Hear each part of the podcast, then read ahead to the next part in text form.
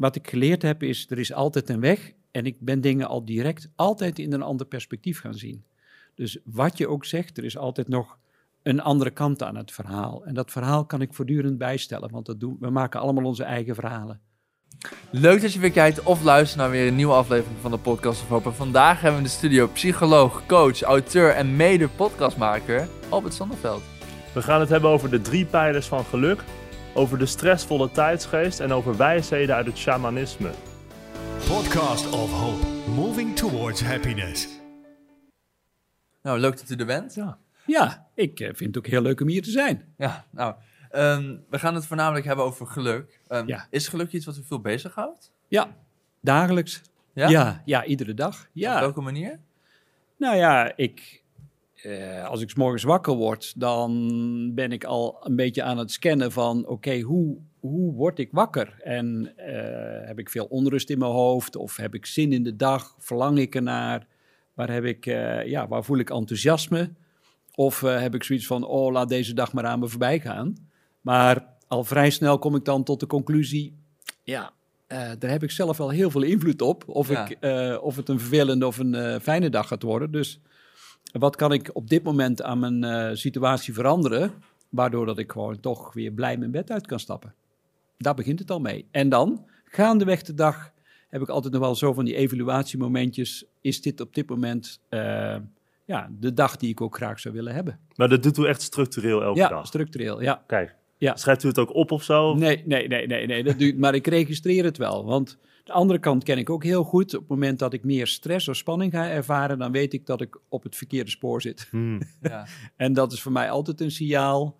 En soms een fysiek signaal, dat ik wat spanning voel in mijn lijf. Of soms dat het wat zwaar wordt in mijn hoofd. Of ik ben wat vaker aan het piekeren. En dan weet ik al, oh, oh ik ben weer van mijn gelukspad afgelopen. Ja, want het lijkt me dat u als psycholoog zijnde wel wat meer inzicht hebt in eh, de problemen waar dat in kan zitten. Als u Ja. misschien wat minder Ja. gelukkig bent op een dag. Ja, is niet altijd een voordeel natuurlijk. Want Nee, nee, dat, ik kan er ook te diep of te veel over nadenken. ik, ik hou van onderzoek, ik hou van analyseren. Ja. Ja, en eh, dan, ik kan mezelf natuurlijk ook helemaal ondersteboven analyseren. En daar zit geluk nou juist niet in. Hè? Want eh, Ja. mentaal geluk, ja, dat, eh, daar geloof ik niet zo in. Het is veel meer een combinatie van een aantal factoren. ja, dat gevoel kreeg ik al een beetje. Want het voelt meer alsof u geluk dan per dag aanpakt. Omdat u ja, Ja. dat iedere dag dan recht zet als het ware. Maar er is geen soort van overkoepelend gevoel van ik ben gelukkig in mijn leven. Nou, in mijn leven is dat is heel groot. Hè? Want er is, in mijn optiek is er alleen maar nu. Dus, eh, en omdat er alleen maar nu is, hè, in, in dit moment, hoe voel ik me op dit moment? En is er iets in dit moment wat ik zou kunnen aanpassen? Of waardoor dat ik meer in dat geluksgevoel terecht kan komen? En voor mij bestaat geluk uit drie belangrijke factoren. En dat is dankbaarheid. Kan ik op dit moment waar ik nu ben, met jullie, kan ik hier dankbaar zijn? Nou, ik heb al een hele lijst waar ik dankbaar voor ben. Mm. Sowieso, ik zit met blije, enthousiaste mensen aan tafel, dus dat vind ik altijd sowieso. een plus, ja. Ik heb een heerlijke maaltijd voor jullie gekregen. Mm. Ik heb een aantal inspirerende verhalen mogen ontvangen. Dus ik ben al super, super dankbaar. Oh, Het tweede is eh, acceptatie. En acceptatie betekent niet zozeer fatalistisch mezelf erbij neerleggen, maar kan ik mijn leven accepteren zoals het nu is? Nou, ehm, heb ik een neiging om me nog ergens tegen te verzetten? Wil ik nog echt iets veranderen? Eh, is er een, een, een ongemak op dit moment in mijn leven? Op dit moment weer? ja. denk nee, ik zit hier wel prima. Ik zit hoog en droog. Ik heb mijn natje en mijn droogje. En ehm, ja, ik, ik kan doen op dit moment wat ik het allerliefste doe. En dat is inspireren, raken en geraakt worden. Dat, ja, dat zit zo in mijn DNA, dat kan ik doen. Dus ja, op dit moment ben ik heel gelukkig. En dan komt de derde factor en dat is vertrouwen. En gaan de dingen zoals ze gaan.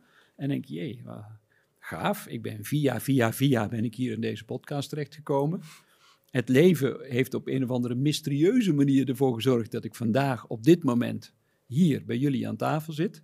Geen idee waar dit weer toe gaat leiden. Misschien is er wel een van de luisteraars of een van de kijkers zegt: Wow, die Albert Sonneveld, die ga, ik, die ga ik eens even uitchecken op internet. Wat interessant. En misschien gaan ze dan wel een boek kopen, wie zal het zeggen? Ja, dat zou mooi zijn, hè? En Wie weet. ik heb ja. er dus vertrouwen in dat toen ik ja zei tegen deze podcast, dat me ja, dat het een vervolg is van het geluk wat ik op dat moment had toen ik ja zei tegen de podcast. En dat is alweer een aantal weken, maanden geleden. Ja, dat, stapelt zich als het ware Ja. op elkaar. Ja. Ja, Een hele bewuste manier van kijken naar... ja maar ik denk, hè, de de reden dat mensen luisteren naar deze podcast is bewust of onbewust, willen ze groeien, hè, willen ze ontwikkelen. Is er een, een honger naar persoonlijke ontwikkeling? Hè? Ik heb jullie lijst gezien. Nou, dat zijn inspirerende mensen die jullie tot nu toe hebben uitgenodigd. Ja, mensen willen daar iets van leren. Ja, en leren is bewust worden. En ja, ik denk dat ik heel bewust bezig ben met bewustwording. Maar u zei net dat u niet echt gelooft in, wat, wat zijn nou, psychisch geluk of, of mentaal ja, men- geluk? menta- mentaal geluk. Ja. Hè? Dus, En wa- waarom dan precies niet? En wat bedoelt u daar eigenlijk mee? Ja, nou, mens- mensen kunnen ook... Ja, weet je, je hebt zo ook wel van die, van die mensen die, die alles dan maar positief willen eh, benaderen. Hè? Dus zeggen van, ja, eh, achter de wolken schijnt de zon. En, ja, Oh, dat is ja. natuurlijk allemaal waar. Ja. Maar ongeluk is er ook. Er is ook gewoon verdriet. Er is ook ehm, ja, tegenslag Hm. in de wereld en in je leven. En je kunt niet alles zomaar mentaal wegberedeneren. Hè? Van je, ja, je bent een sukkel als je daar niet overheen kunt stappen. Nee, soms is het juist heel goed om te rouwen, om pijn toe te laten, om verdriet vol te omarmen, om angst in de bek aan te kijken. Ja. En dat kun je niet mentaal wegredeneren. En, en dat zie je nog wel eens, hè, dat er eh, in, in deze wereld van maakbaarheid zeggen van ja, stel je niet aan, hè, want als je maar positief denkt, dan kom je er wel. Hm. En ja, dat vind ik te makkelijk. En, Ja, en daarmee creëer je ook teleurstelling. En dat, ja, daar wil ik wel voor waken. Daarom zeg ik, het is niet alleen maar een mentaal iets, wat je dan maar even jezelf geluk aanpraten. Ehm, daarmee zou je onrecht doen aan de periodes dat je je ook ongelukkig mag voelen. Maar is het dan voor iemand die veelal in, in ongelukkige situaties verkeert helemaal niet mogelijk om gelukkig te zijn? Of zit daar dan wel. toch wel een soort Ja, van zeker. psychisch aspect aan? Ja, ja, want, en dan kom je weer aan dat dankbaarheid, acceptatie en Oh, vertrouwen. ja, ja. ja als, je, als je op dat moment kunt accepteren dat je verdrietig bent, of boos of angstig. Ehm, het gekke is, hoe meer dat je daar contact mee maakt en dat niet probeert te verdringen, des te sneller zul je weer gelukkig zijn. Hm. Maar als je het blijft ontkennen, hè, bijvoorbeeld ja, de emotie boosheid, ja, die mag je absoluut voelen. Dat is een hele functionele eh, emotie die je kunt gebruiken om iets wat, wat op dat moment tegen zit, meer naar je hand te zetten. Ja. Maar ja, dat duurt niet langer dan gemiddeld 90 seconden of zo, echte boosheid. En alles wat langer duurt, is het verhaal wat je daarover vertelt. Dus dan, dan, dan, dan ga je hele verhalen vertellen over... ja, maar eh, waarom heeft hij of zij zo tegen mij gedaan... en ze moeten mij altijd hebben en eh, ik ben al de zoveelste keer de klos. En dan blijf je hangen in het verhaal. En daar heb je wel een keuze in. Het is goed om de emotie te voelen... maar het is ook goed om je te realiseren, bewust worden, daar gaan we weer... bewust worden van, ja, maar wat voor belang heb ik nog om in die emotie te blijven hangen? En, en dat kun je wel draaien. Dus je kunt de situatie niet veranderen, Ja. eh, maar jouw houding ten opzichte van de situatie wel. Oftewel, je kunt de wind niet veranderen, maar de stand van de zeilen wel. Is dat iets lastigs? Ehm, Ja, ellende accepteren? Is dat iets wat ook niet genoeg gebeurt, wellicht? ja, ja ik denk wel in, in deze tijd, hè, waarin we zo geconfronteerd worden, met name de social media en met name ook bij jongere mensen, dat hè, alles is happy de peppy, foto's, gefotoshopte foto's van mensen die met een laptop in een hangmat ergens op een Ja. paradijselijk ijs- eiland hangen, eh, de, de digitale nomaden. Ehm, ja, die wekken soms de indruk dat alles maakbaar en gelukkig is. En ja, ehm, ja en zo zit het leven nu eenmaal niet in elkaar. Hè, dus ja, het, in deze fase, in deze tijd, in dit tijdperk, ja, is het best wel lastig om, om dat af en toe om te zetten. Maar het is ook tegelijkertijd, ehm, als je er eenmaal in zit en je kunt het aankijken, dan ga je er ook zo doorheen. En het is Ja. wel een natuurlijke staat van zijn geluk. Eh, als, als je naar kinderen kijkt, die leven in het moment, die zijn nog niet zo aan het nadenken. Ja, ja, de extase waarmee ze een zandkasteel bouwen op het strand of helemaal gebiologeerd kunnen zijn als ze iets in hun handen hebben wat, ze- hè, wat ze kunnen tekenen of wat dan ook. En helemaal blij de kamer in komen lopen. Kijk eens wat ik gemaakt Ja. heb. Hè? En ja, pas in een latere periode van hun leven gaan ze zich veel meer sociaal aanpassen. En dan wo- wordt ook het besef van geluk en ongeluk steeds groter. Ja, dus mensen worden gewoon, on- ja, ik weet, misschien vat ik het helemaal verkeerd op, maar wat ongelukkiger naarmate ze ouder worden? Of het wordt, Mm. het wordt moeilijker om gelukkig te zijn? Nou, dat ligt heel, het ligt aan heel veel factoren hoor. Het ligt ook aan de, aan de omstandigheden, de omgeving waarin je bent opgegroeid, ehm, de overtuigingen die je op een gegeven moment bent gaan aannemen. Ja, als je ja, nog als blij kind door de wereld huppelt en op een gegeven moment je voortdurend te horen krijgt dat je dom bent of Ja. ehm, en dat je niet goed genoeg bent of Hmm. leuk dat je een 7 hebt gehaald, maar de volgende keer wel een 8. Dan kan je de conclusie trekken, ik ben niet goed genoeg. Ja. En dat is nog niet zo erg, maar als je het dan ook nog gaat geloven Ja, en je gaat je er ook nog naar gedragen, ja, dan wordt het wel lastig om die oorspronkelijke draad weer op te pakken. Maar ja, ieder mens is, is anders. Hè. We hebben 7 miljard mensen op deze planeet. Ja, zo uniek als dat je vingerafdruk en je iris-scan is of je DNA. ja. Zo uniek is ook ieder mens en hoe die omgaat met eh, overtuigingen en situaties waarmee je geconfronteerd bent in je leven. Maar is het dan belangrijk om op eh, latere leeftijd dan weer terug te keren naar die soort van kinderlijke Ja. staat van zijn? Ja, ja, Ja. Meestal, meestal gebeurt dat zo rond je dertigste. Dan, ehm, dan heb je heel erg in eerste instantie geleefd volgens je omgeving. Hè. Dus eerst begint natuurlijk de opvoeding door de ouders. Nou, daar leer je al je veten strikken Ja. en dat je met mes en vork gaat eten. Nou, die, die, die opvoeding is belangrijk voor je ouders ongeveer tot aan de middelbare school. Hm. Dan denken de ouders dat ze nog heel veel invloed hebben. Ja. Wah, wah, wah, wah. Dan, dan wordt de peergroep heel belangrijk. Dus de, de, de vrienden waar je mee omgaat op het schoolplein. Die, dan, die nemen dan die opvoeding over. En dan heb je ook je rolmodellen, je popsterren en je, je, je, je, de, de, sporters en de artiesten. En waar je dan tegen opkijkt. En dan, wil je net zo zijn als hun. Ehm, nou, en dan heb je je studie afgerond en dan ga je een baan. En dan, nou goed, en dan zit je op je Phoenix-locatie met je, met je flatscreen. En ja, dan ga je ergens rond die tijd, dat is ook het dertigersdilemma, is this all there is? Hè? Eh, goh, maar ik had gedacht dat ik nu gelukkig zou zijn. En ik heb in materieel opzicht alles wat ik heb kunnen doen. Ik heb nog een tussenjaar gehad en ik heb nog kunnen backpacken in Zuid-Amerika of in Australië. Ja, en nu? Ehm, Is dat dan een midlife crisis? Mm, Ja, ja, die begint steeds vroeger. En het hoeft niet altijd een crisis te zijn, maar wat je wel ziet, is één op de zes Nederlanders wordt geconfronteerd met een burn-out. Eh 1,1 miljoen mensen slikken antidepressiva in Nederland, terwijl we in een van de meest gelukkige landen ter wereld wonen. Ja, dat is wel interessant. Ja. ja. En ehm, ja, en dat is natuurlijk wel boeiend. Ik denk van, hoe kan het? We, we, hè, we staan geloof ik op nummer 7 als meest welvarende landen ter wereld. En ook ergens op die plek, hè, dus zelfs hoger als het gaat over geluk. En toch zie je dat, dat er heel veel struggle is. Blijkbaar is er zoveel antidepressiva voor nodig om je nog in ieder geval een beetje ja, te kunnen voegen in, in die maatschappij die blijkbaar heel veel van ons verlangt. Ja, maar hoe kan je zo'n land nou eigenlijk gelukkig noemen? Dat is ja, dat is ook- apart. Waar meet je dat dan mee? Ja, nou ja, goed, dat kun je wel zien. Er zijn natuurlijk heel veel. Hè. We, we, we hebben natuurlijk heel, we hebben hygiëne, we, hebben, we, hebben, we zijn een van de veiligste landen ter wereld, Ja. we zijn een van de meest liberale landen ter wereld. En als je dat vergelijkt met Sierra Leone of nou ja, noem maar een land waar, waar, hè, waar Ja. heel veel armoede is.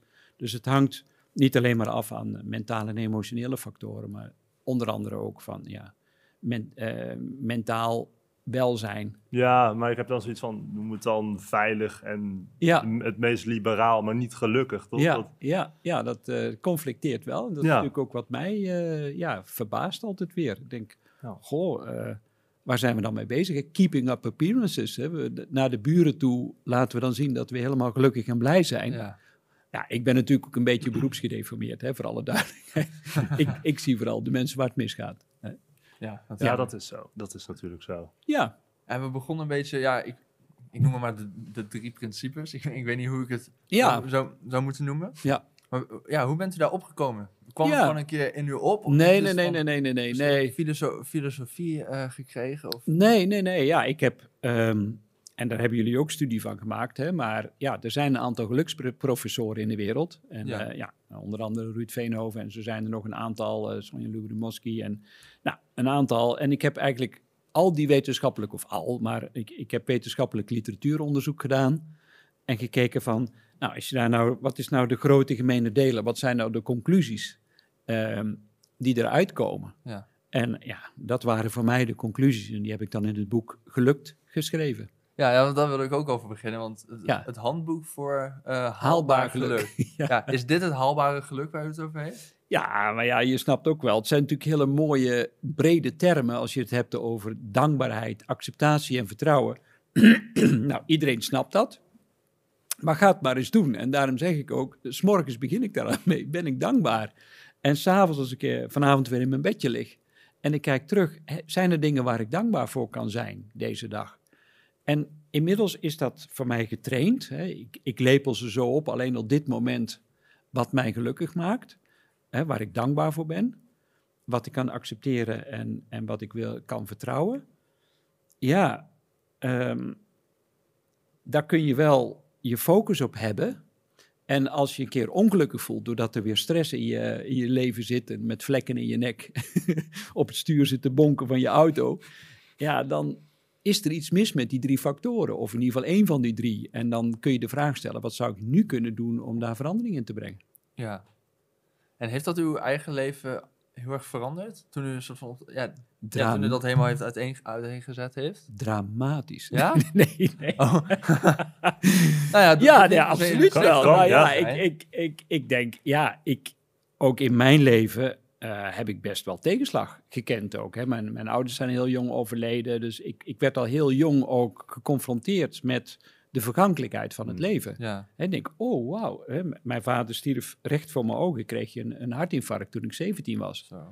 En dan viel die dood neer. En toen dacht ik van, maar goh, het leven kan dus zomaar afgelopen zijn in, in een flits. En dat, dat was traumatisch, daardoor ben ik ook psychologie gaan studeren. Maar tegelijkertijd eh, ben ik me ook gaan realiseren van, oh wauw, ehm, als het dus zomaar afgelopen kan zijn, dan wil ik er wel maximaal uithalen Ja, ehm, wat er uit te halen valt. En daardoor ben ik wel heel jong gaan relativeren. Hè, als, als mensen conflict hadden met, de- met bijvoorbeeld hun vader of, of met hun moeder, eh, wat ik natuurlijk in mijn praktijk vaak heb meegemaakt, met ze eh, ja, eh, chronisch gefrustreerd waren over hun ouders. Ehm, dan zei ik ja. In gedachten dacht ik dan, ik ging dat relativeren. Ik denk, ja, jij hebt tenminste nog een moeder en je hebt nog een vader. Dus ik ben, ben wat ik geleerd heb is, er is altijd een weg. En ik ben dingen al direct altijd in een ander perspectief gaan zien. Dus wat je ook zegt, er is altijd nog een andere kant aan het verhaal. En dat verhaal kan ik voortdurend bijstellen, want dat doen, we maken allemaal onze eigen verhalen. ja. Ik kan me voorstellen dat dat voor heel veel mensen wel nuttig is. Ja, Om op zo'n absoluut. manier ernaar te kijken. Ja, en als je gelukkig bent, hoef je dat niet te doen. Maar dan, dan doe je dat blijkbaar al van nature. Ja. Ja. Ja, nou, u... ehm, ja, wat? Ja, nee, ik vind het gewoon, ik vind het leuk. ik, vind, ja, ik heb het naar mijn zin hier. Oh, echt? Nou, Ja. dat is mooi. Ja, Dat is mooi. Nee. Nou ja, u, u coacht ook best wel, ehm, ja, hoe, hoe- hoe zeg je dat? We hebben best wel grote bedrijven, Ja. rijke ondernemers. We zijn Ja. wel in een, in een privéjet eh zitten. ja. Ehm, maar kunt u dan ook zeggen dat er op enige manier een soort van verband is tussen ja, het wel of niet gelukkig zijn en, en, en het hebben van geld? Ja, dat, is, dus- dat staat ook in mijn boek gelukt, is dat ja, mensen denken, ehm, als ik nou maar veel geld heb, hè, dus dan kom je in de als-dan-constructie. Als ik maar eenmaal, nou ja, met die persoon getrouwd ben, of als ik maar eenmaal die, die carrière heb gemaakt, of als ik maar eenmaal die staatsloterij heb gewonnen, Ja. of... Maar uit al die geluksonderzoeken blijkt dat dat niet het geval is. Hmm. Hè, dus ook gezondheid. Nou, jullie hebben ook eh, bijzondere mensen in, in de podcast gehad met, hè, die zelfs eh, in een rolstoel zitten waarvan je dan denkt, ja, maar hoe kunnen die nou ooit nog gelukkig zijn? Hè? Maar Ja, ja, dat hangt dus van andere factoren af. Onder andere van die drie die ik net genoemd heb. Dus ehm, alles wendt, en in psychologie heet dat hedonische acceptatie, of adaptatie bedoel ik. En dat betekent dat als je nu een nieuwe auto zou kopen, ik had een aantal jaren geleden kocht ik een nieuwe auto. Oh man, ik kreeg nog een bosje bloemen mee van de garage en ik kom zo uit die showroom gereden. Alles rook helemaal nieuw, nul op de teller. Mijn geluksniveau die zat op een, nou ik denk wel een 9,6. ik, maar goed dat ik een open dak had, want ik kon er bijna doorheen spreken. Zo, zo blij was ik. Maar het gekke is, na drie weken was ik nog steeds blij met die auto, maar Ja, maar niet, ik kwam niet ja. meer op die 9,6. Ja. En toen was het nog steeds wel een 8. En nu is het, ben ik hier naartoe gereden en ik, is het een 7,5. Maar dat euforische gevoel, daar kom ik niet meer bij. En, en, en dat is ook met geld. Hè. Ik heb ja, zeer rijke eh, klanten ook. En dan, ja, die laten zich coachen omdat ze op een of andere manier toch nog issues hebben in hun leven. Waar- waardoor ze het gevoel hebben dat ze niet gelukkig zijn. En misschien is dat ook wel de grote frustratie van veel mensen. Is, hè, dan hebben ze iets bereikt wat ze graag zouden willen hebben. En dan ben je daar. En als je dan nog niet gelukkig kunt zijn, dan heb je echt een probleem. Ja, dan denk je, wat dan? Hè, dat zie je soms ook wel op een hele mooie zomerse dag. Dat mensen nog steeds depressief zijn. Sterker nog, misschien nog wel depressiever dan daarvoor. Omdat ze zeggen, ja, nu zijn alle omstandigheden ideaal. En dan kan ik me nog niet gelukkig voelen. Dan is er echt iets met me aan de hand. Dus ja, dat zie ik bij mijn cliënten ook. Ja. Dat is een beetje de, de eeuwenoude vraag, maakt geld gelukkig? Heel veel mensen zeggen nee, anderen zeggen een beetje, tot een bepaalde hoogte. Ja. Ja, ja, tot, Ja, ja, is dat zo trouwens, tot een Ja. bepaalde hoogte? Ja, er schijnt wel een. Ik ben even het getal kwijt hoor, maar er schijnt een be- bepaald bedrag te zijn. Als je dat bereikt, Ja. dan geeft dat zeg maar het maximale geluksgevoel. Zit je daaronder, dan zit, heb je wat minder geluk. Maar zit je daarboven, dan draagt het niet echt meer bij tot extra geluk. Ja, dat heeft dan vooral met, denk ik, met autonomie en zo te maken. Ja. Dus je kan doen wat je wilt, in plaats van dat je allemaal ja, ja, dingen koopt. ja, zeker. Ja. Ja. En u bent ook heel erg gespecialiseerd in, in stress, in Ja. ehm, burn-outs. Is dat iets wat tegenwoordig steeds meer wordt en het geluk in de weg staat? Ja, nou ja. Ik denk het wel. Ja, ik denk wel dat er steeds meer stress is. Er wordt ook steeds meer verlangd van ons. Ja. Ehm, dus ja, er is iets heel wonderlijks aan de hand. Aan de ene kant zie je dat we zijn in Nederland 1 uur en 20 minuten per nacht minder gaan slapen. We herstellen, we herstellen minder. De, ja, door internet en door Netflix en we blijven maar langer op. Dus er is minder tijd om te herstellen. Maar de hoeveelheid prikkels die in ons leven zijn gekomen, die zijn alleen maar toegenomen. Hè. Dat, dat is anderhalf procent op anderhalf procent op anderhalf procent neemt de werkdruk toe. Je zou eigenlijk meer moeten herstellen. Je zou meer moeten herstellen, maar we herstellen minder. Hè. Er is voortdurend afleiding. En als mensen hun smartphone grijpen, dan zou je denken, oh ja, ik heb even een, een rustmomentje. Maar Dat is eigenlijk helemaal niet zo. nee, maar dat geeft alleen maar onrust. Hè. Dat merk je op het moment dat je je telefoon een dag thuis laat liggen, of dat die kapot is of door de wc is getrokken. Dan, Gebeurt dat vaak? ja, weet ik veel. Maar ja, maar ik geef maar als voorbeeld, dan, dan, eh, dan merk je pas, in eerste instantie ben je even helemaal in paniek, maar dan denk je, oh, oh wat een rust. Ehm, ja, dus we worden overprikkeld en ja, dat geeft de beleving van stress. En als stress lang genoeg duurt, dan krijg je overspanning. En als dat nog langer duurt, dan kan zelfs een totale meltdown van het systeem, en dat noemen we dan burn-out. Ja, en is dat echt een probleem van tegenwoordig? Dat, dat gebeurt dus echt steeds meer. Nou, wel in onze westerse wereld. Ehm, ja, de druk wordt steeds hoger. Ehm, we verlangen ook steeds meer van onszelf. We, we moeten het ook allemaal kunnen. Dus, dus ja, we hebben gewoon veel idealen. Ik heb ontzettend veel medelijden met, met jonge moeders die ook nog werken. En ik denk, Ah, ja, dan moet je en een gezin en huilende kinderen s'nachts. En Ja. dan moet je, hè, je hebt het ook gezien in, in, de, in de coronatijd, dat, dat thuiswerken en dan moet je en voor het gezin zorgen en je wil ook nog eh, achter je laptop eh, kunnen, kunnen facetimen of kunnen zoomen. Ehm, nou, dan moet je er ook nog leuk uitzien en dan moet je ook nog kunnen sporten. Je wil sociale contacten ook bijhouden, je wil ook nog een leuke partner zijn. Ja, dat is gewoon niet te doen. En mensen denken dat ze eraan moeten voldoen en daar gaan ze vaak aan kapot. Ze vinden het gewoon heel moeilijk om die grens aan te geven. Maar waar komt die extra druk vandaan? Wie, wie legt dat je op of doe je dat zelf? Ja, uiteindelijk leg je het jezelf op. Ja. Hè? Want je kunt wel zeggen dat komt door de maatschappij. Ja, en bij jongeren is het sowieso ook ja, is sowieso wel een probleem. Hè? Er is vaak een studieschuld. Nou ja, de hele studiefinanciering probleem. eh, nou, eh, moeilijk om aan een huis te komen. Dus er zijn echt wel veel eh, sociale eh, invloeden, maatschappelijke invloeden. Maar tegelijkertijd is het wel aan jou of je daarin meegaat of niet in meegaat. Moet je daaraan voldoen? Wil je ook zo'n leasebak? En wil je, wil je ook, Ja. hè, nou ja, goed. eh, moet je ook zo nodig vier keer per jaar op vakantie? Eh, dat is aan jou. En wat voor beeld heb je over jezelf? Ja. En vind je dat je daar voortdurend aan moet voldoen ten opzichte van je omgeving? Want dat is wel stress. Hoe verhoud ik me ten opzichte van een steeds veranderende omgeving? En kan ik me iedere keer weer aanpassen aan die omgeving? En die omgeving verandert razendsnel. Ja, en dat is wel iets wat je op individueel niveau moet aanpakken. Dus je kan niet als maatschappij dat... Natuurlijk wel. Ja, ja je kunt, er is wel een soort maatschappelijk bewustzijn. Denk ja, en dat hoor je ook wel, van waar zijn we in godsnaam mee bezig? Hè? En we, eh, kunnen we de, ja, we hebben het met z'n allen gewoon veel te complex gemaakt. En hoe kunnen we dingen weer eenvoudiger doen? En je ziet ook wel een soort tegenbeweging ontstaan, gelukkig. Hè? Mensen zeggen, ja, ik ga veel meer weer in de natuur wandelen, ik maak weer contact met de natuur. Ja, ik hoef niet zo nodig weer, geef mij maar een tiny house en, eh, hè, of geef me maar een camper en eh, ik, ik, ik, ik doe niet meer mee Ja. met de rest. Ja, ik, Ehm, ik ken dat wel, ja. Ja, en dan, dan maak je een bewustere keuze. Maar nog steeds is het eh, ja, voor veel mensen best wel een uitdaging om dagelijks weer te realiseren van, ja, ik heb nu de keuze. Ga ik erin mee of ga ik er niet in mee? Met andere woorden, kies ik voor geluk? Ja, of kies ik, nou, ongeluk wil ik niet meteen zeggen, maar als Ja. je te veel stress hebt, ga je op den duur wel ongelukkig voelen. En waarom kiezen dan toch zoveel mensen om daarin mee te gaan? Gewoon omdat dat het normale ding is om te doen? Of?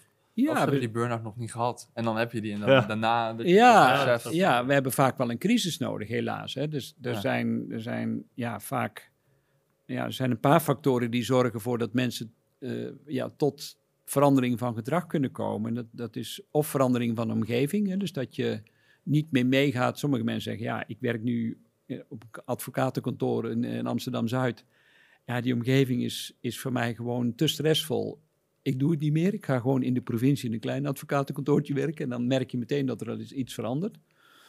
Een verandering van de omgeving helpt. Ehm, ja, soms is een crisis ook echt nodig hè, om, om mensen in verandering te krijgen. Hè. Dus never waste a good crisis. We hebben natuurlijk met corona hebben we echt wel een, een, een, een heftige crisis gehad. Op heel veel vlakken. Gezondheidscrisis, economische crisis, eh, nou, financieel, nou, dus so- sociaal. Ja, die kun je ook gebruiken om tot andere keuzes te komen. Ja. Ja, ja, maar mensen hebben meer vrije tijd gekregen. Nou, niet iedereen natuurlijk, maar ja, veel mensen die zitten meer thuis. Die, die kunnen Ja. dingen doen die ja, geen werk zijn bijvoorbeeld. ja, ja. Nou toch dan weer die rust vinden.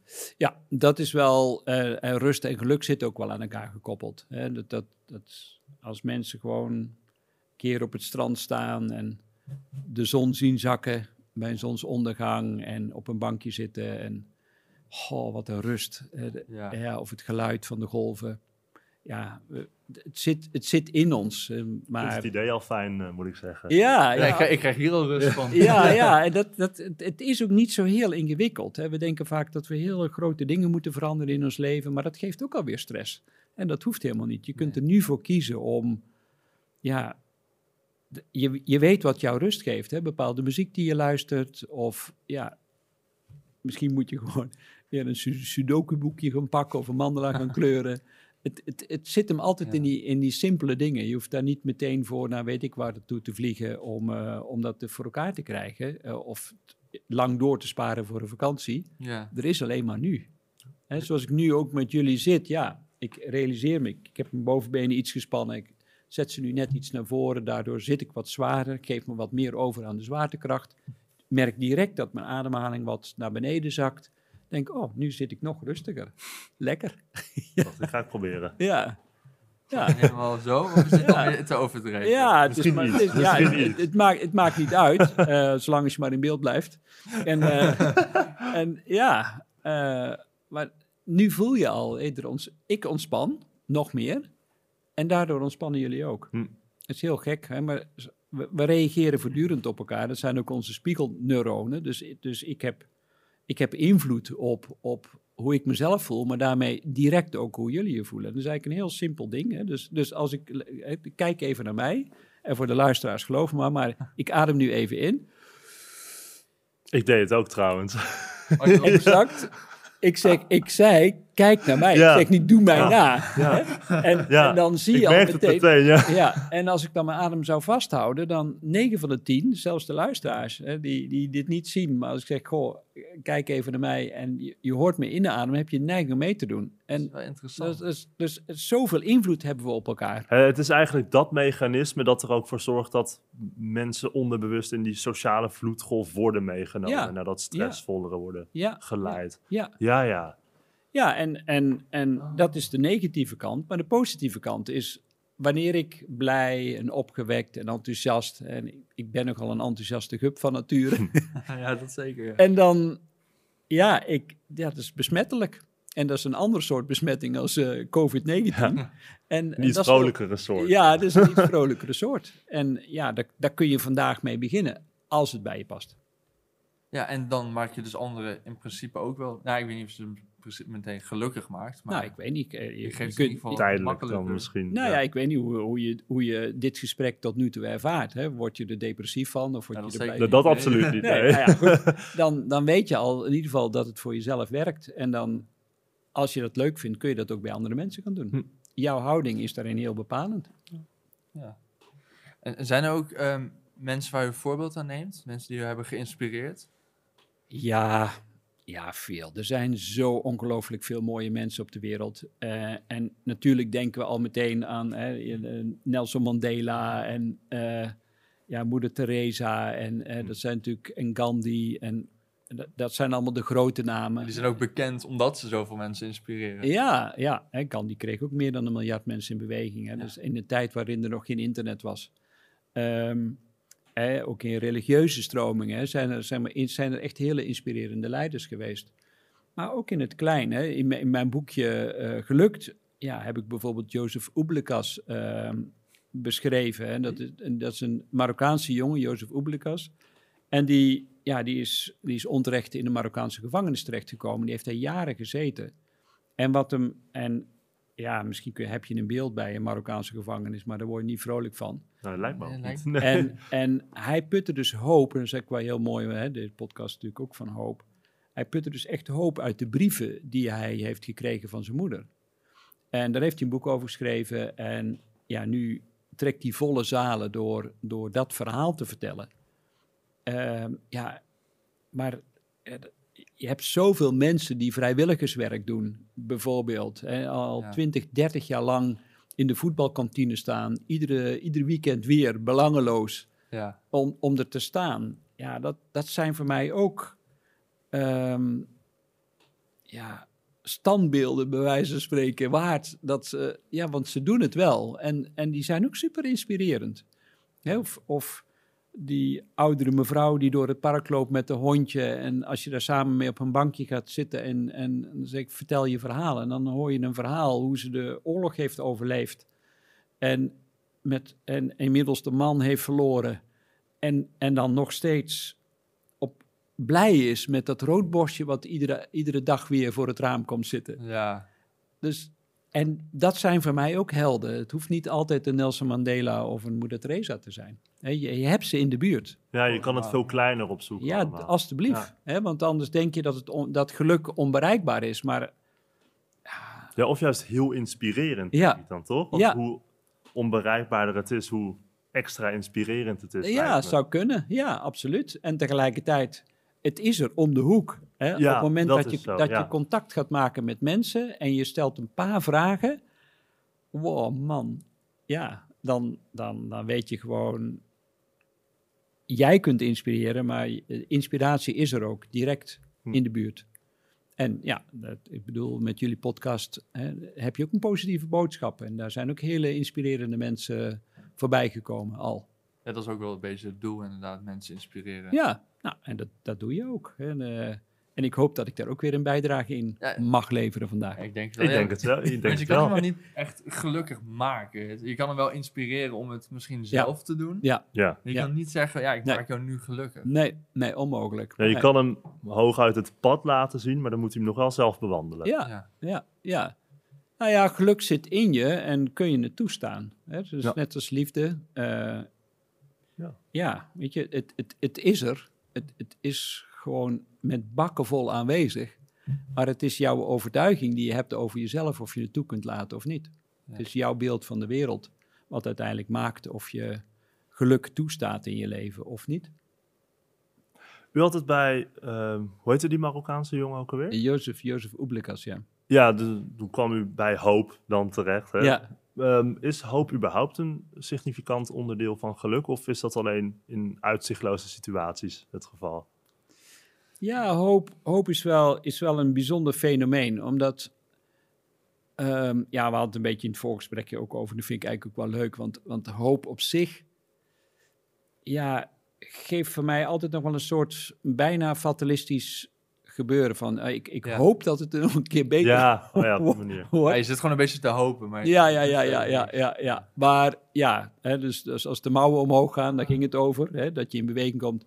Ik, ik geloof absoluut in actie, in doen.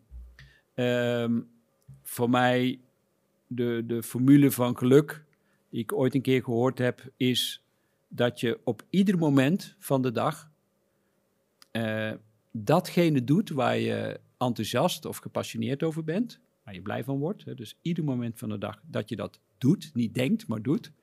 Binnen de mogelijkheden, de mensen en de, mensen en de middelen die je op dat moment tot je beschikking hebt. Eh, zonder het eindresultaat te willen afdwingen, hè, want daar word je weer ongelukkig van. En altijd met een positieve mindset. En als, als je die formule, die code voor jezelf kunt gaan leven, ja, voor mij is die waterdicht. Daar krijg je geen spel tussen. En, en dat is wel de uitnodiging. Hè. Je kunt zeggen, ja, maar ja, eh, leuk, enthousiasme en passie, maar zo voel ik me helemaal niet. dat kan, maar zelfs als je eh, moet kiezen tussen, ga ik nu een, een ehm, bijvoorbeeld ja, een boek lezen of ga ik nu buiten wandelen? Als op dat moment buiten wandelen sterker voelt dan het boek lezen, dan, dan ga je buiten, wandelen. Ja. En dan kom je terug van die wandeling en denk, oké, maar waar ben ik nu het meest enthousiast voor? Ga ik nu de podcast luisteren of, of ga ik toch dat boek lezen? Nou, nee, nee, Luister nee. de podcast. Ja, ik luister de ja. podcast.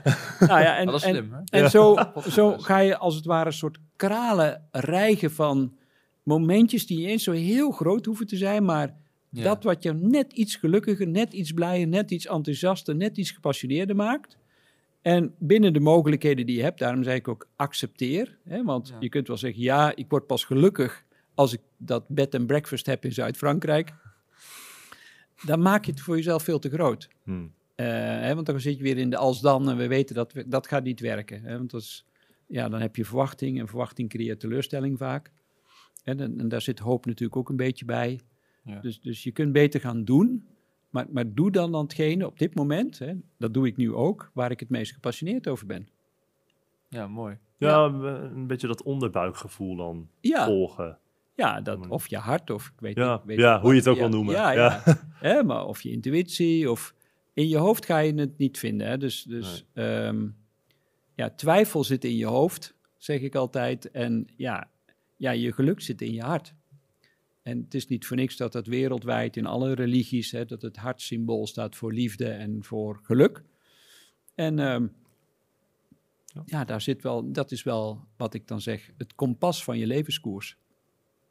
Cool. Zo, Ja. ja. Het kompas van je levenskoers. Ja, Ja. Vind ik een mooie, ja. ja, ja, ja. Goed. Nou, we hadden u ook gevraagd om een voorwerp mee te nemen. Mm. En we hadden het ook van tevoren ook een beetje over... wat- U bent helemaal in het shamanisme, als ik dat goed begreep. Nou, helemaal niet, maar wel, ik doe er wel een veel klein mee. beetje. Nou ja, het was. Ik, Interesse. Ik, ik heb, ja, ik heb eh, psychologie gestudeerd. En ehm, ja, eh, in de westerse psychologie loop je tegen allerlei psychopathologieën aan waar je soms geen raad mee weet, behalve medicatie. Hè? Dus dan, ja, Gilles de la Tourette of, of eh, psychoses. Oh, En eh, nou, zo zijn er veel waarvan we gelukkig medicatie hebben, maar ja, er zitten ook veel bijwerkingen bij. En toen ben ik veel meer gaan kijken, ook in, in Zuid-Amerika, omdat mijn oudste dochter daar woont. Van ja, hoe lossen ze het daarop? En je ziet dat die indigenous people, de, de, de, de oorspronkelijke bevolking in de oerwouden en zo, ehm, andere psychopathologieën krijgen, maar ehm, ja, dat op een hele andere manier oplossen ook. En hè, bijvoorbeeld, ja, ik heb een keer een uitzending gezien van Ivonie, waarin er een, een kind met autisme ehm, wordt geholpen door eh, mensen die volgens mij ergens Kozakken of in ieder geval in Mongolië eh, de paardenmensen, omdat het jongetje, er was geen contact mee te krijgen met autisme, maar die, die kon communiceren met die paarden. Hmm. En toen zijn ze met, met name met die moeder gaan werken, hè, de, de, de medicijnman. En toen ze twee dagen met die moeder hadden gewerkt op, op hun manier binnen hun cultuur, die heel ver afstaat van onze westerse wereld en onze westerse aanpak. En in één keer zag je dat jongetje opknappen en, en weer, die begon voor het eerst van zijn leven het, verbinding te maken met die jongetjes daar uit de stam. En dan begon hij mee te spelen, had hij zijn hele leven nog niet gedaan.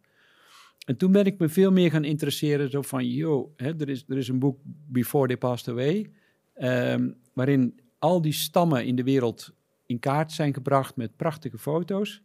En toen dacht ik, ja, ik, ik wil, voordat dat verdwenen is, hè, want ook daar komt de smartphone binnen, wil ik gaan kijken, wat, wat is hun oorspronkelijke manier van genezen? En toen ben ik in Chili terechtgekomen bij Alberto Villoldo, een, eh, een medisch antropoloog die zijn hele leven daar studie van heeft gemaakt. En daar heb ik eh, twee jaar bij, eh, of een jaar bij mogen studeren ook. En eh, heb ik ontzettend veel geleerd van hoe, hoe doet die oorspronkelijke bevolking dat? En daar heb ik wel veel respect voor gekregen.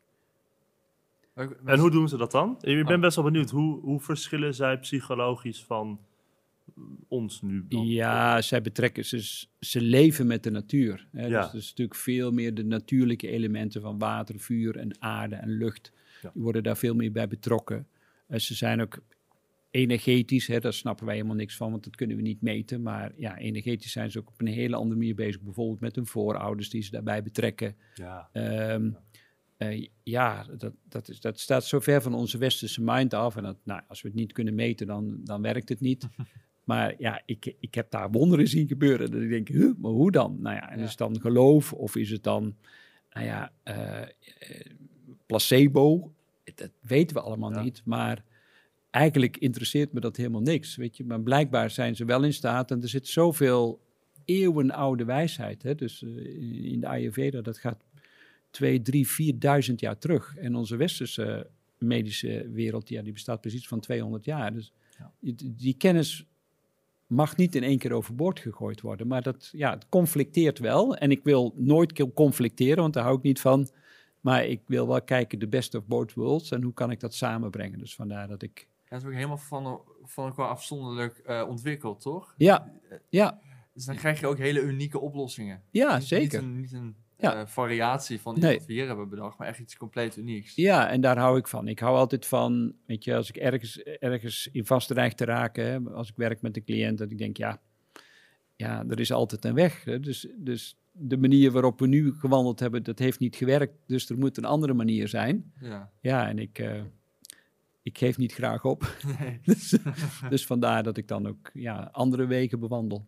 En, Ja. en waarom heeft u dit voorwerp uitge... Wat, wat is Ja, ja, ja, wat is dit? Dit, eh, eh, ja, voor de luisteraars, die, die kunnen dat niet zien, maar dit is een, eh, een stukje van een walvisbot. Ah. Het is een, het is een hanger, die, eh, die komt van, van een stamhoofd van de Maori's. En ehm, ja, nou, alleen al het idee dat, dit- dat dit een, wal, ja, een, een, een walvis, ja, vind ik magische dieren. het grootste Die- dier op aarde volgens mij? ja, en ja, ik weet niet, maar mensen worden er altijd op een of andere manier, dus net als met dolfijnen. Iedereen, iedereen heeft daar, voelt daar iets van liefde. Ik, ik ken niemand die zegt, oeh, ah, stomme dolfijn Ja. zo. Ja, Dolfijn. En dus, nee, dat heeft allemaal iets, iets, iets vertederends en dat is bij walvissen ook zo. En ik weet het niet, ik, op een of andere manier voel ik daar zoveel contact mee. eh, iets van een soort oerwijsheid. is die bijna zei- mythisch, zo'n walvis. Ja, mythisch. En ehm, ja, en als ik die, ik heb hem dan in de vorm van een hanger. eh, en dan op bepaalde momenten voel ik van, oh ja, ik, ik vind het fijn om daar contact mee te hebben. En, en nou, dan doe ik die hanger om en dan voel, voelt het voor mij alsof ik meer contact heb met de natuur, met dat element. En, en daar waar de walvis voor mij voor staat. Dus voor, voor wijsheid en, en oorspronkelijkheid en, en ja, oneindigheid in die, in die enorme oceaan. Ik heb ook gezeild. En eh, ja, als ik dan daar op het water ben en die elementen voel van water en wind en zon, ja, dat, eh, ja, dat geeft mij enorm veel rust. Ja, mooi. Ja, veel mensen worden ook rustig als ze zo naar een walvis kijken.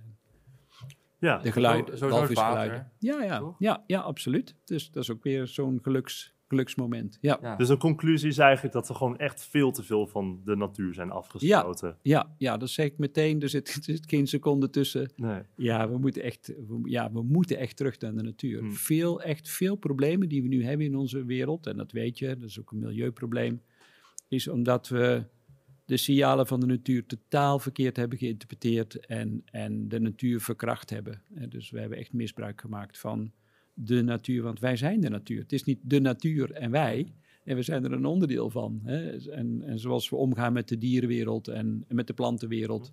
Het is verschrikkelijk wat er op dit moment aan het uitsterven is door onze hebzucht, omdat we niet gelukkig zijn. En de, de oorspronkelijke bevolking, de, hè, de stammen, die, die hebben dat gesnapt. Die zullen nooit meer pakken dan dat ze nodig hebben voor hun eigen levensonderhoud. Maar wij, wij verspillen als een, als een malle. En ja, dat, dat moet ergens stoppen. En, en dat besef begint langzaam door te dringen. Maar eh, ja, we hebben nog een weg te gaan. Ja, er is zeker. nog hoop. Ja. Ja. Nou ja, Komen we toch op hoop terug, ja. Als afsluiten vragen we altijd aan onze gasten of ze nog een tip hebben eh, voor iedereen die luistert. Ehm, ik vond dit van net ook al wel een beetje een mooie Ja, tip. ik wou het maar zeggen, ja. ja, heeft u nog een tip? Ja, nou ja, als het gaat, als het gaat over geluk, je, ja, haalbaar geluk heb ik het genoemd. Geluk is haalbaar. Hè. We weten, en dat weten we ook uit alle onderzoeken, dat, ehm, ja, ja, verschilt een beetje, maar zeggen ongeveer 30% ja, dat, dat, dat is de omstandigheden bepaald, maar 70, 80% heb je zelf invloed op. En, en als je dat realiseert en, en, je, en je geen slachtoffer maakt van het, eh, van het ongeluk waar je op dat moment in zit, hè, dan heb je een keuze. En mijn tip is, ja, kijk om je heen waar je nu al dankbaar voor bent. En, en kijk of je kunt accepteren dat je het resultaat bent van alle keuzes die je tot nu toe hebt gemaakt in je leven. Hè. Dit ben je tot nu toe. En, en als je dan het vertrouwen hebt, hè, met dat vertrouwen, dat is, zit niet alleen in jezelf, maar dat zit ook in de natuur. Als je heel eerlijk bent, wordt er altijd wel op een bepaalde manier voor je gezorgd. Ehm, en hè, als je het idee hebt van, oh ja, maar hoe kom ik hier ooit uit, dat er dan toch altijd wel weer net op een moment dat je denkt, hoe kan het? Er komt er toch weer iets op je pad waardoor dat je toch net weer dat geld krijgt of toch net weer iemand eh ding-dong bij je op de voordeur, eh, aan de voordeur staat. Ehm, ga dat meer zien, ga dat opmerken, ga het opschrijven, bij wijze van spreken. Deel het. En de belangrijkste tip is, maak weer verbinding. En maak verbinding met jezelf. Maak verbinding met de mensen om je heen. Zeker door de corona is er veel eenzaamheid. Ehm, en ik merk hoe gelukkig ik ben van, hè, weer word van contact ook. Hè, ook dit contact, eh, ook het contact met de luisteraars en de kijkers. Hè. Jullie zien mij wel, ik jullie niet. En horen me wel, maar ik hoor jullie niet. En toch heb ik contact. Eh, en dat, dat is iets heel magisch. Dat voelt ontzettend rijk. Ja. En als je dan nog een stapje verder wil gaan, is dat je ook weer contact met, maakt met de natuur of Ja. het hogere. Of, hè, ehm, waardoor dat je eh, ja, gaat beseffen dat de planeet een unieke plek is. En wat ik vaak doe is, het is meer dan een tip, hè? ik weet niet of de tijd nee, prima. Maar, maar wat ik vaak doe is dat ik uitzoom. Hè. Dan, dan zoom ik uit niet alleen van mijn eigen lijf, maar dan ga ik, stijg ik op en dan ga ik hoger, hoger, hoger. En dan ga ik door de dampkring heen en dan, dan ben ik dus in het heelal. En dan kijk ik om me heen in dat heelal en dan zie ik één grote zwarte, zwarte ruimte. Met wat manen en planeten en sterren en zonnen die daar. Maar ja, als je een beetje dan inzoomt op de maan, dat is toch maar één grote stoffige bende. Hè? eh, Mars en nou ja, goed.